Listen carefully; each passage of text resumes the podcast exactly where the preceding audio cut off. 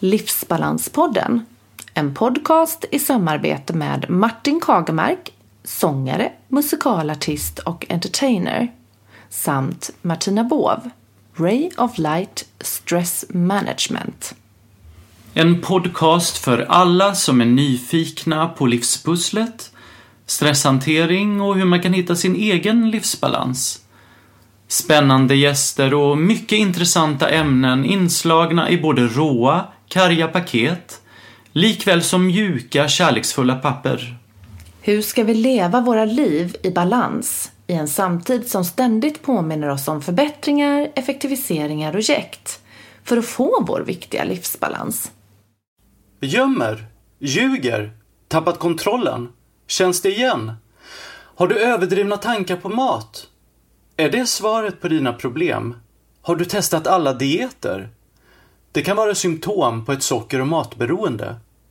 Sockerskolan behandlar socker och matberoendet med tydlig struktur tillsammans med våra beroendeterapeuter och de verktyg du får för att ta dig igenom processen. Du får lära dig att leva livet istället för att överleva. Sockerskolan bedriver sin behandling för sockerberoende via webben på lättillgängligt sätt där du kan öva hemma i din vardag. Du hittar all kontaktinformation på hemsidan www.sockerskolan.se.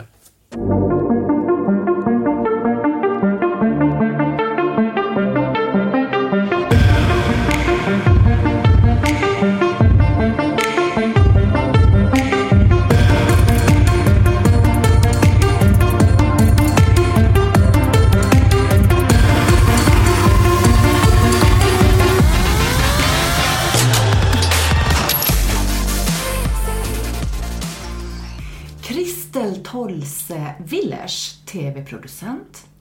Eh, du växte upp i Malmö och utbildade dig till jurist på Lunds universitet.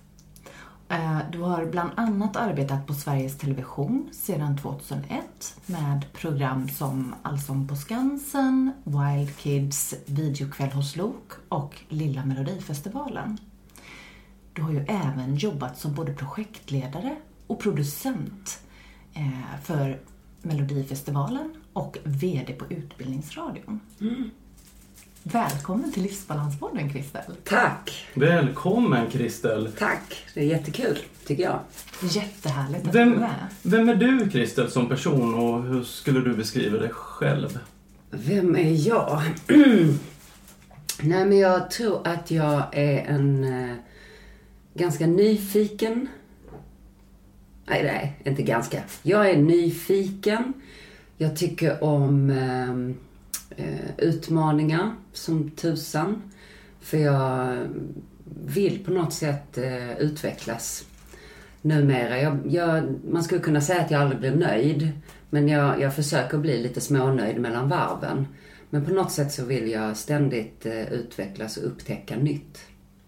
Det är nog den, den som jag är när, om jag ska beskriva eh, mig genom någon slags egenskaper. Sen är jag ju himla mycket annat också. Mamma och ja, kompis och vän och dotter och stora syster och så. Så det beror på i vilket perspektiv ni frågar. Mm, precis. Och du bor ju här i Stockholm. Jajamän. Ja.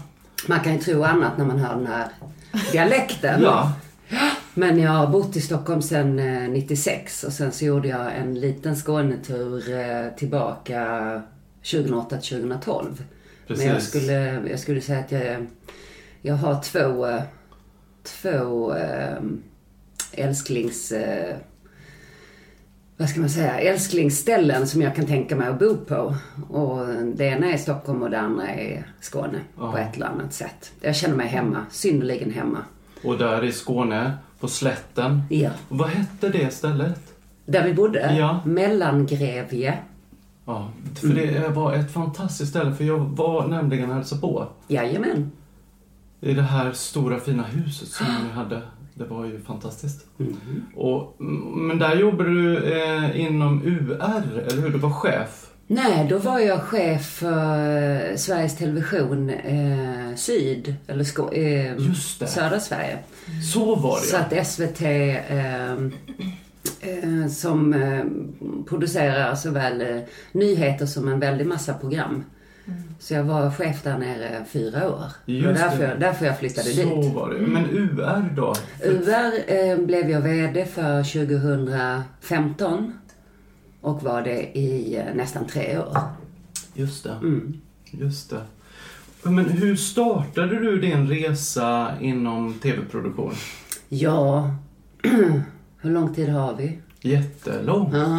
Ah. Nej, men eh, ehm, jag har ju, eh, det låter floskligt, men halkat på bananskal. Och eh, framförallt så har jag hoppat på tåg som har gått förbi. Eh, och med det sagt så, så eh, jag läste ju juridik, det var det enda jag ville läsa, det var det enda jag sökte på universitetet. Och det var därför jag också skärpte ihop mig ordentligt och tog min studentexamen så att jag visste att jag med säkerhet skulle komma in på juristlinjen. Ganska övertygad om att jag skulle göra eh, någon form av rättslig karriär, åklagare eller polisiär. Eh, så blev det då inte. Utan, Jag läser ju juridik just nu Ja, i, i jag har ett ämne då som är juridik och det är ju ganska avancerat måste jag säga. ah, men det är fantastiskt. Ja. Jag älskar juridik. Ja, alltså det är, det är en passion. Mm. Ehm, men mitt första jobb när jag var klar på juristlinjen var på Dramaten. Och redan där börjar man ju liksom ana oråd. Var, var, Ja, var, skutan är på väg någonstans. oj oj, vilket år är det här nu säger du då? oj, oj, oj. 97? På Dramaten? Ja. Så då, du, du flyttade ju upp till Stockholm Mm. 97, när jag flyttade upp 97, ja. på hösten. Jag flyttade upp på våren 97. Ja, och jag på Mm. sommaren. Ja. Så vi, det var häftigt att vi flyttade upp samtidigt. Mm. Det visste inte jag. Nej, så är det. Så att redan där så, och det var min passion då. Då tänkte jag att jag ska, jag ska jobba med juridik men jag ska fortsätta med min, mitt djupa intresse för eh, drama.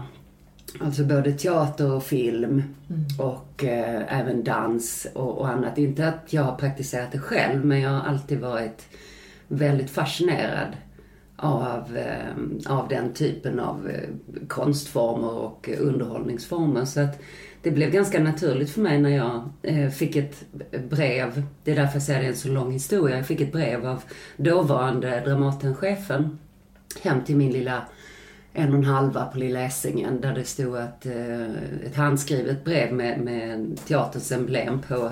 ehm, och då stod det, jag har hört att du söker jobb. Kanske kan teatern och jag erbjuda dig någonting. Och så underskrivet eh, Ingrid Dahlberg och alla hennes möjliga nummer till landet och mobil och allt vad det nu var. Vilket var jättekonstigt. Jag trodde det var dolda kameran.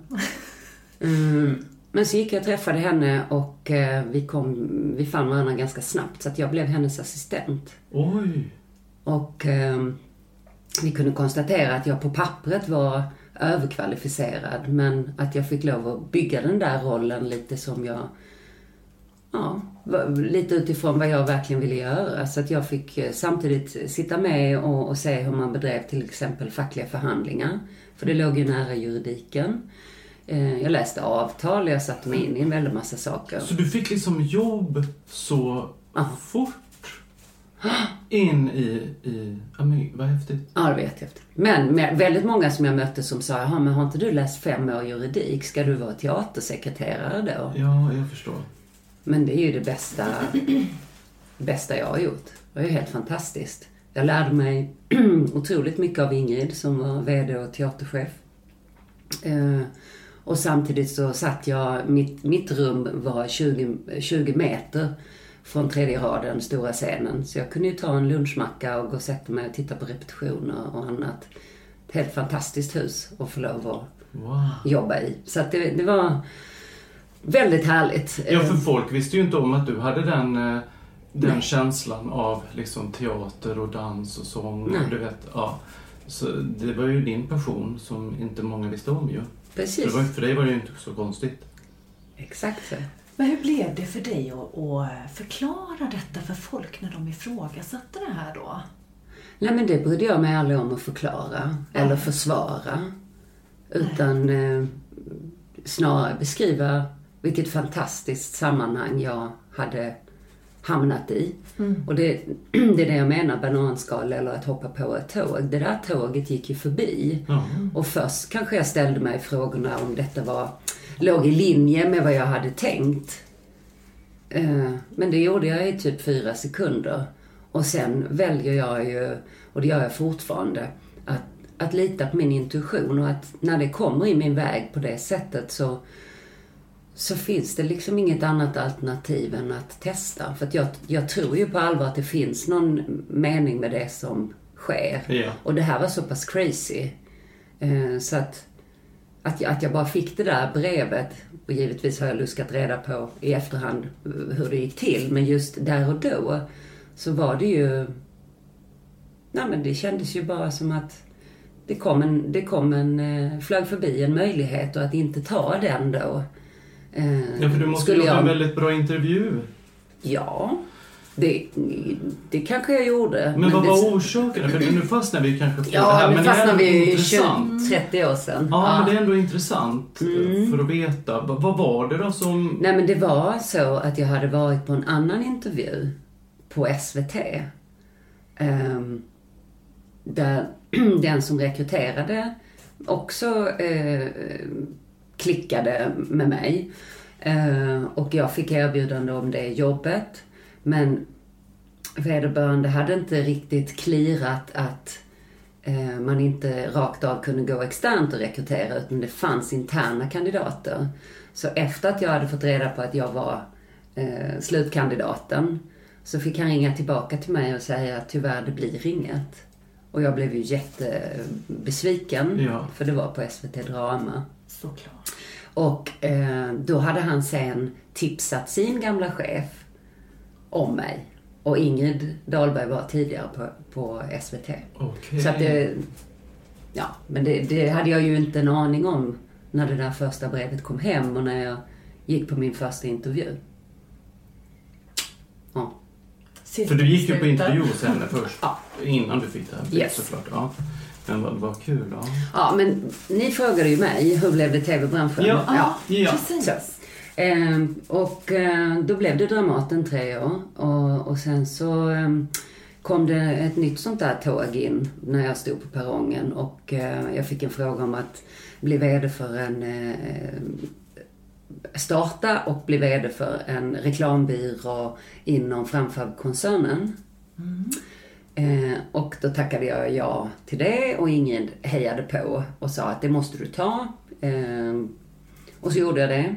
Och eh, kände ganska snabbt, eh, efter ett och ett halvt år ungefär, att det här inte var riktigt min grej. Det var för mycket, för mig var det för mycket fokus på att tjäna pengar själv och att hjälpa eh, kunder att optimera sina vinster.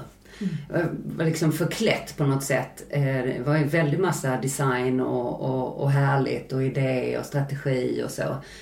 Men syftet med, med, med allt vi gjorde handlade om i slutändan att ja, skapa vinst. Och där och då kunde jag inte riktigt hitta lusten till det. Nej.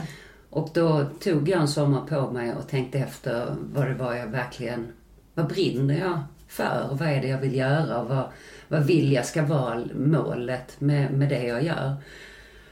Och då kunde jag landa i att hela, hela upplägget på Dramaten, att eh, visserligen måste man sälja biljetter där, eh, men att någonstans skapa upplevelser för människor som, som på olika sätt förgyller livet. Utan att det nödvändigtvis eh, ska finnas, eh, att det ska generera vinst. Så då satt jag och funderade på vilka företag som jobbar på det sättet och, och i vilka sammanhang skulle man då kunna verka. Och då kom jag på public service och Sveriges Television. Så då ringde jag upp den där killen som eh, några år tidigare eh, hade tyckt att jag var bra men inte kunde anställa mig på grund av, ja. Och frågade om, om det inte fanns någonting för mig nu då. Och då fanns det det. Mm. Eh, För hans assistent var på mammaledighet. Och eh, då sa han, kan du komma in och hjälpa mig ett par månader? Så kanske vi kan se om det dyker upp någonting annat på vägen. Så så började eh, min resa på SVT. Okej. Och sen fick jag en möjlighet när jag väl hade kommit dit. Jag sökte och kom in på en projektledarutbildning. En ettårig. I, i intern då, i intern regi. Och sen, eh, efter, och sen eh, i samband med att vi avslutade den så fick vi allihopa erbjudande om fast anställning. Oj. Eh, och ehm, ja, sen har jag under mina år på SVT haft fantastiskt många fina eh, möjligheter att få lov att utvecklas. Både ledarskapsutbildningar och andra former av utbildningar och kurser. Så att därför blev det TV.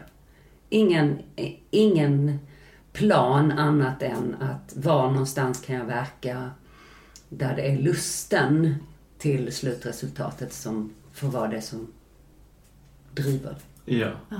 Och nu eh, håller du ju på med Melodifestivalen Ja. för 2020. Yes. Kan du berätta lite din uppgift och... Mm, absolut, det kan jag göra. Jag är exekutiv producent, heter det på tv-språk. Eh, och det betyder att eh, i mitt fall, i det här projektet, så ska jag ha ett... Eh, jag brukar säga att jag har ett övergripande ansvar för programmen rent innehållsmässigt. Men min främsta uppgift är att skapa de bästa förutsättningar i världen för de som ska skapa innehållet. Mm. Så att jag ska eh, säkra en eh, kreativ arbetsmiljö, tydliga riktlinjer, kunna ge feedback både på det som eh, kreeras men också hur vi har det. För jag tror ju att kreativitet kräver en viss form och en viss näring åt ett team som jobbar med det. Att, eh, ja, och det är mitt uppdrag. Skapa Ja. de bästa förutsättningarna för det gänget. De är, de är fem, fem, sex stycken. Det ser lite olika ut under, under resans gång. Men de ska ha så högt i tak som möjligt men ändå känna att, att jag eh, är där och bollplankar och kan vara kompassen för eh, att vi ligger i linje med det vi har tänkt oss att vi ska göra. Men att det är en lustfylld arbetsplats med eh, ja, en massa skratt. Och eh, att vi också bygger tillit mellan varandra så att man vågar vara kreativ. Jag tror att, jag tror att det är den kanske enskilt viktigaste det, det tror jag är det viktigaste för mig, att skapa och bygga tillit mellan människor. Eller det kan ju inte jag göra, men jag kan skapa en miljö som ökar på möjligheterna att vi kan känna tillit till varandra. Gör vi inte det så vågar vi inte släppa ut våra mest crazy idéer.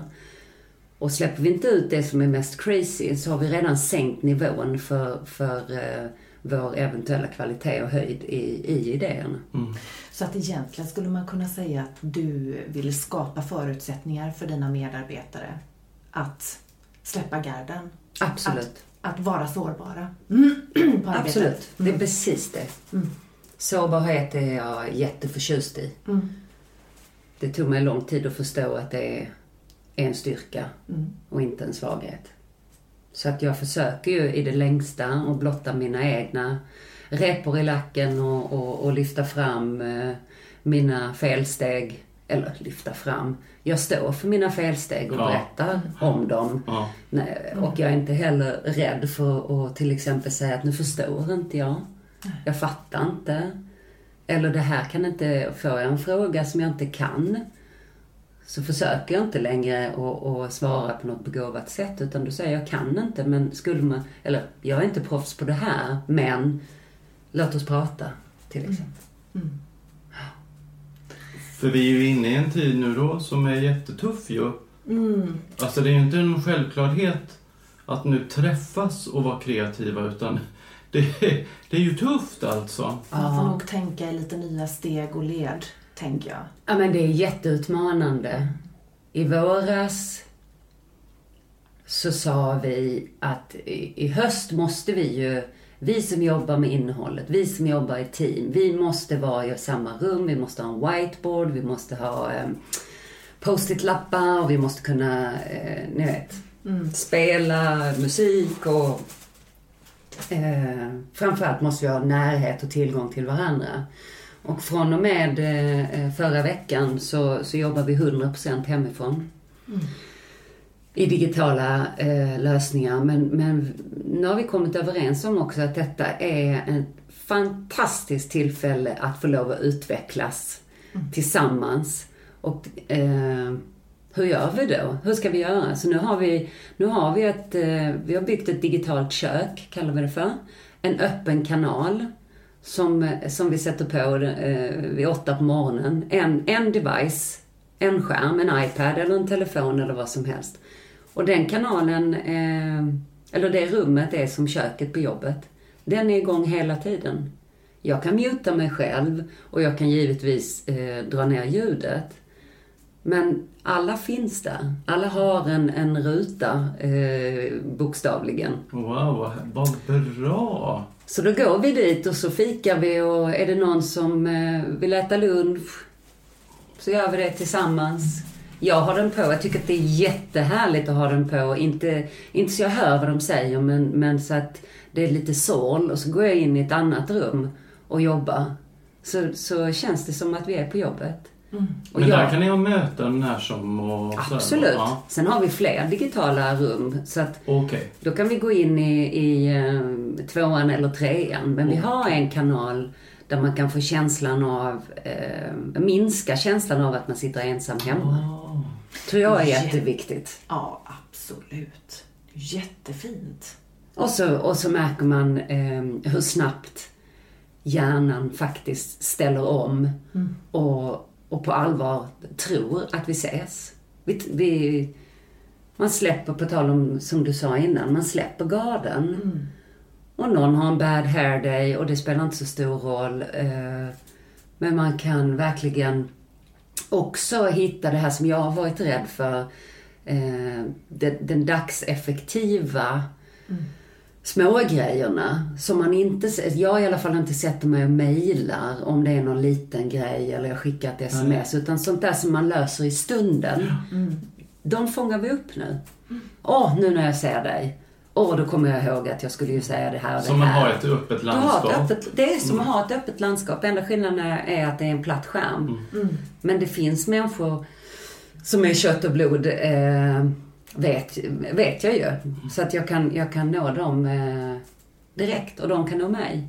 Och jag tänker också att eh, eh, min hjärna och eh, era också är ju, det är ju stenåldershjärnor. Så att eh, när, när, när jag väl har akklimatiserat mig till att det är detta som är de verktyg vi har, så fattar inte min hjärna att vi inte har setts eh, och varit i samma rum. För när jag går, eh, när jag stänger av den där kanalen och eh, går och sätter mig i soffan och det är kväll och inte längre jobb. Jag, är ju, jag lever ju på jobbet hela tiden eftersom jag jobbar hemma.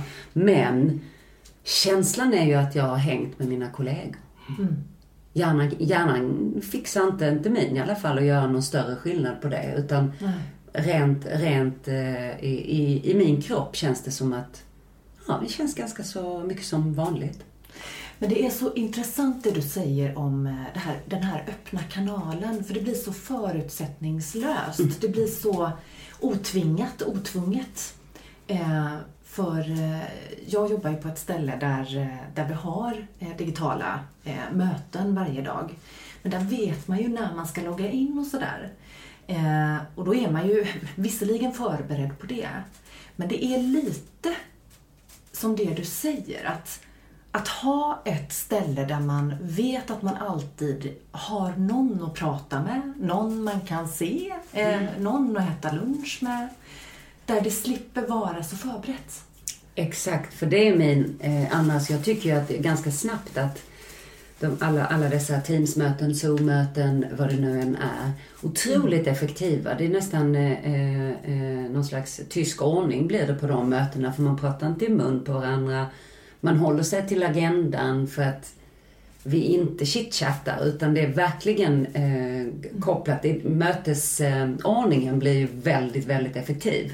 Precis. Men jag var ju rädd för att man skulle tappa den här Mänskliga. mänskliga. Exakt. Så svar, svaret håller vi då på att utforska om, om svaret för vår del i, i, i det teamet där jag verkar är den här öppna kanalen. Och hittills har det varit, eh, det är bara några dagar vi har testat, Ja. men, men otroligt effektivt faktiskt. Och det fina i kråksången är dessutom att alla andra som jobbar på Melodifestivalen nu har vi ju kunnat signalera och säga att den där, den där adressen, det där rummet får ni komma till precis när ni vill.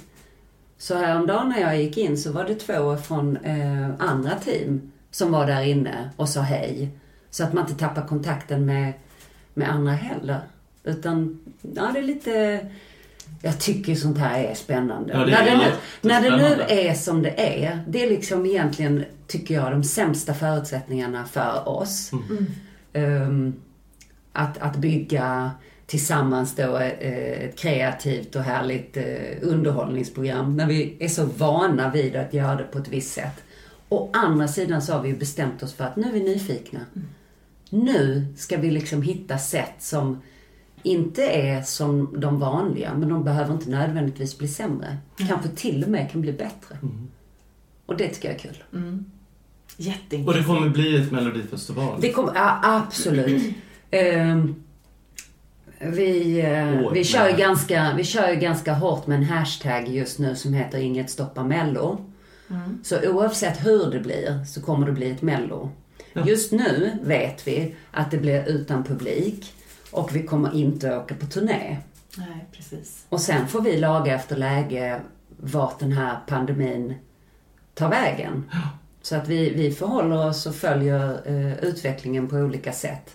Men ett, eh, ett Melodifestivalen som blir inställt, det är ju som att ställa in julen. Det funkar ju inte. Nej, det funkar ju inte. Nej. Och ni kommer ju sända ifrån Stockholm. Vi kommer sända från Stockholm, men vi kommer ju eh, vi kommer fortsatt eh, ha samma upplägg med fyra, fyra grundomgångar, fyra deltävlingar som mynnar ut i en andra chans och som då slutligen blir en final.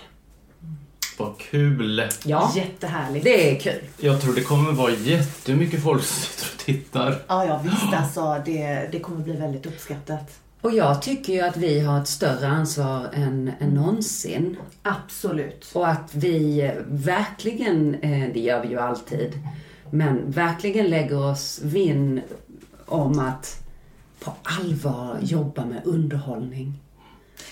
Precis. För att jag tror att det är ju mörkt som det brukar vara där i början på februari.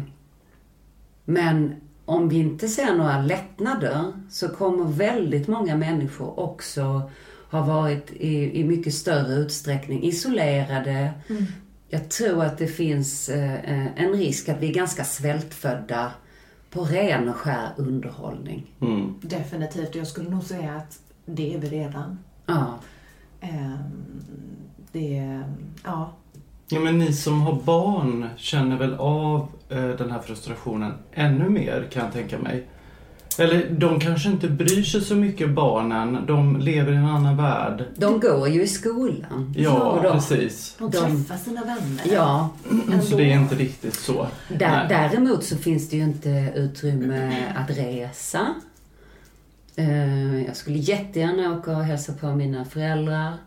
Till exempel till jul. Det tror jag inte blir av. Eh, Jag tror inte heller vi åker till far, eh, farföräldrarna i Värmland.